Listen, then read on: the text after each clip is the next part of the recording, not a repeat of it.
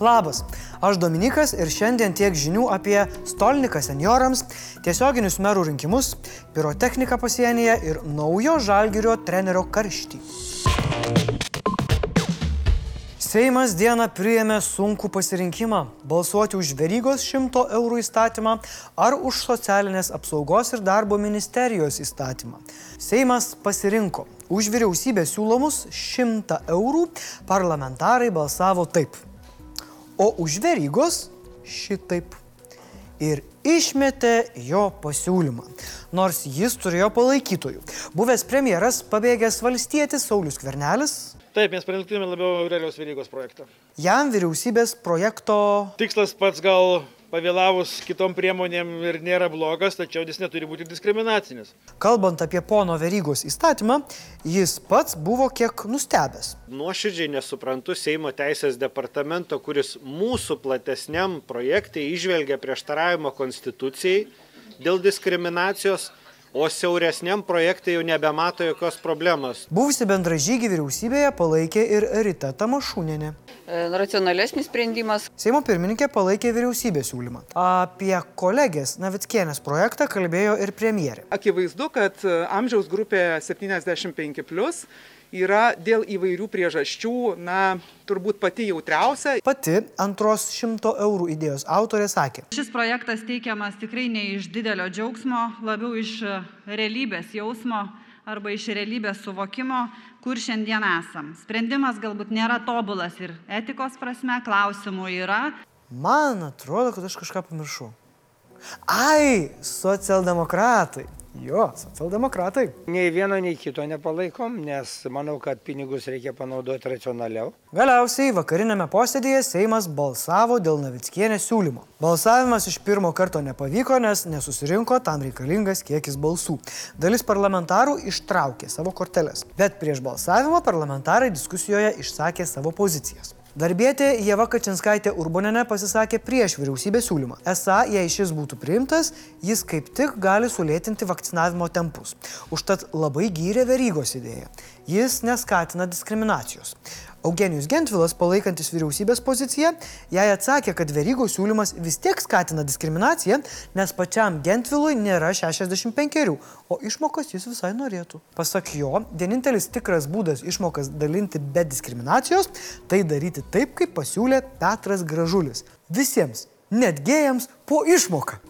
Taip, posėdėje dalyvavo Petras Gražulis, kuris pasiūlė 100 eurų išmokas mokėti visiems, kas pasiskiepijo ir pasiskiepys. Prieš įstatymą pasisakė ir Tomas Tomilinas, kuris kaip ir buvo už, bet tai, kad vyriausybė įstatymą siūlė nagrinėti skubos tvarka, pakeitė jo nuomonę.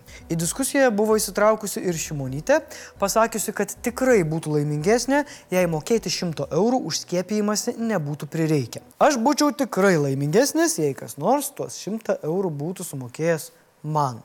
Nu tikrai. Ir net Petrui padėkočiau. Balandį Konstitucinis teismas paskelbė, kad Lietuvoje vykstantis tiesioginiai merų rinkimai prieštarauja Konstitucijai. Tad Seimas skubiai ėmė spręsti situaciją. Ant parlamentarų stalų atsigulė Konstitucijos pataisos, kurios mums leistų balsuoti už konkretų žmogų, kurį norėtume matyti valdant miestą ar rajoną. Valdžios atstovai po svarstymo pritarė Konstitucijos pataisoms. Ir tai yra tik tarpinis žingsnis. Atrodo, pyst balsuoji už ir priimi pataisas, bet nėra taip paprasta. Su šiomis pataisomis politikai tikėjosi prastumti ir kitas, kurios aiškiai nustatytų, už ką atsakinga savivaldybės taryba, už ką meras. Darbo partijos frakcijos seniūnas Viktoras Fedorovas sakė, kad jo balsas yra avansų. Jis palaiko tiesioginius merų rinkimus, bet jam norėtųsi labiau apibrieštų mero funkcijų. Jam antrino ir frakcijos vardan Lietuvos narys Algirdas Butkevičius. Šitų visų diskusijų galėjo ir nekilti. O socdemas Julius Abatauskas pasakė, valdančiųjų pataisoje yra spragų. Kolegas ramino valdančių atstovas Jurgis Razma. Yra konstitucijoje įtvirtinti bendri demokratinio valdymo principai ir aš manau, kad jie visada užduos įstatymų įrėmus ir mes tikrai įstatymo lygyje visas tas detalės išspręsime. Nepaisant netobulumo, opozicija projektą palaikė. Ir tam yra gera priežastis. Jei įstatymas Seime nepraeitų, jį iš naujo būtų galima teikti tik po metų. Taip yra su konstitucijos pataisomis. O tai reiškia, kad artėjančiuose savivaldos rinkimuose nebūtų galima merų rinkti tiesiogiai. Taigi opozicija pasirinko mažesnį blogį. Toliau laukia balsavimas dėl pataisų prieimimo. Tiesioginiai merų rinkimai yra faina ir aš džiaugiuosi, kad jie galiausiai bus legalūs. Tačiau dėja, tai neapsaugo nuo tokių situacijų, kaip pavyzdžiui, renki merą, o gauni... Būkite atsargus. Jeigu galvojat, kad pasienį jau ramu, tvoros statymas vyksta ir Lukašenka pasidavė, tai galvokit dar kartą. Per praėjusią parą į Lietuvą bandė patekti net 121 nelegalus migrantas. Didžiausias skaičius nuo rūpjūčio galo. Ne vienas įleistas nebuvo. Tai baltarusių pasieniečiams nelabai patiko. Vakar vakare ties druskininkų savivaldybė prie sienos Baltarusijos pusėje buvo iššautos trys signalinės raketos. Ties Varėnos rajonu prie sienos vėl Baltarusijos pusėje nuėdėjo šūvis, o ties Lasdijų rajonu buvo paleisti penki šūviai. Maža to, ties druskininkų savivaldybė pirmadienį Baltarusijos pusėje girdėjosi pabūklų šūviai. Keista, kad baltarusių pareigūnai taip piktai žiūri į migrantus. Jų pilnas Minsko oro uostas ir sostinės gatvės. Apie tai žmonės praneša socialiniuose tinkluose. Baltarusiai pasakoja, kad prie oro uosto migrantus pasitinka lagaminėliais nešini asmenys, jie palydimi į viešbučius. Gyventojai pastebi daugiau asmenų iš artimųjų rytų. Kai kurie jų miega gatvėse ir požeminėse perėjose. Arabiškose TikTok įrašuose matoma, kad Minsko oro uostas yra pilnas lūkuriuojančių keleivių. Kai kas teigia matę, kaip autobusai su baltarusiškais numeriais veža migrantus į turgų apsipirkti. Ten juos lydi vertėjai. O į Lietuvą patekę migrantai baigiami perkelti į modulinius namelius. Iš druskininkose pasieniečių užkardoje įrengto kariuomenės angaro iškelti paskutiniai 43 migrantai. Vakar iš panašaus angaro kabelių pasienio užkardoje iškelti dar 58 žmonės.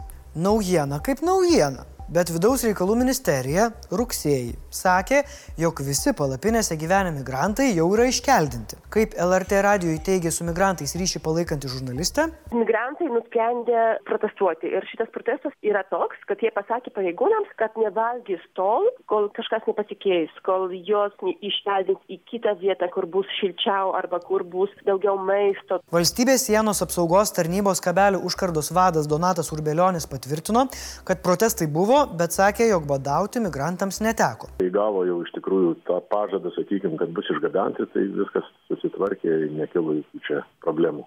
Nenuostabu, kad žmonės protestuoja. Tikėjosi jau Vokietijoje gyvenimą kurti, o dabar turi šalti brezentinėje palapinėje. Aš irgi protestuočiau. Kaip Žalgirio mūšis nebūtų laimėtas be jo gailos ir Vytauto didžiojo, taip ir legendinė Lietuvos krepšinio komanda Kauno Žalgiris negali siekti pergalių be trenerio. Na, bet čia obviesly. Po pralaimėjimais paženklinto starto Eurolygoje ir neįkvepiančio pasirodymo iki sezoninėse rungtynėse bei BetSafe LKL čempionate buvo nuspręsta atsisveikinti su 15 mėnesių kauniečius treniravusiu Austrų Martinu Šileriu. Jo vietą užims 54 metų krepšinio specialistas iš Slovenijos Jurės Dovcas. Naujasis Žalgirio pirkinys, buvęs ilgametis Jugoslavijos ir Slovenijos rinktinių žaidėjas, laimėjęs pasaulio čempionatą ir du kartus Europos čempionatą. Jis visiška Šilerio priešingybė. Santūrumu garsėjęs ankstesnis treneris keičiamas karšta pamaina. Zdovcas nesikė atsidūrė operatorių dėmesio centre dėl savo bendravimo su žaidėjais. Jis yra beveik susimušęs su komandos legionieriumi Taurinu Grinu, Kita kartą treneris žadino graiką Dmitrijos Mavroidį kepštelėjimu per žandą. Pats Dovcas sakė. For sure I'm working on myself. You know, what is important is that I never disrespect the players, you know. Maybe I can yell on them. Uh, if I go too far, I also I, I can apologize, you know. Gal ir logiška, kad Ramuolis keičiamas karštuoliu. Klubo direktorius Paulius Motejūnas sakė, norintis griežtesnės rankos. Nu, atrodo, ją ir gaus. Zdovca jau pasveikino buvęs Žalgirio treneris Šaras. Jasikevičius sakė, Zdovcas atvyko į gerą vietą. Trenerio debutas numatomas rytoj. Nežinau, ar kažkas pasakė Zdovcui, kad jis prisijungė ne šiaip prie komandos, bet prie maždaug 3 milijonų trenerių štabo. Lietuva yra pasaulio rekordininkė, turinti daugiausia sofos specialistų ir taures rankose laikančių namų trenerių pasaulyje. Taigi, lengva nebus. O kaipgi jums tie naujieji žalgerio pokyčiai? Norit daugiau sporto naujienų mūsų žinių laidoje? Tai įrodykit paspausdami prenumeratos mygtuką, o mes pažadam jų pridėti į tiek žinių. Ok? Blitz naujienos. Praėjusios savaitės pabaigoje fiksuota trečdaliu daugiau aktyvių koronaviruso protrukių nei paskutinę rugsėjo savaitę. Kilimas stebimas 12 savaičių. Daugiausia žydinių yra švietimo, sveikatos apsaugos įstaigose. ES pranešė skirsianti 1 milijardo eurų pagalbos paketą Afganistanui.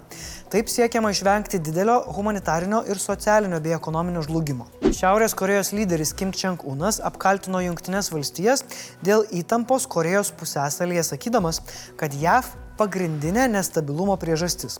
Kaimininė Pietų Koreja apkaltinta veidmainiškumu. Sovietinėme lageryje rašytas atvirlaiškis ant beržo tošės įtrauktas į UNESCO programos pasaulio atmintis Lietuvos nacionalinį registrą. Sveikinimo šventų Velykų proga 1956 metais parašė Anatalija Grinevičiūtė, kalėjusi Intos pataisos darbų lagerio moterų stovykloje. Jis siūstas vyrų stovykloje kalėjusiam Kostui Kovaliukui. Akivaizdus yra du dalykai. Vienas, kad jūs tikrai turit nuomonę apie žalgyrio pokyčius, parašykit komentaruose. Antrasis, kad Halloweenas patinka ne visiems.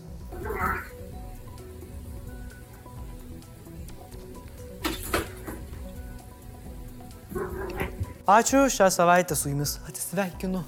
Iki kitos savaitės. Tiek žinių.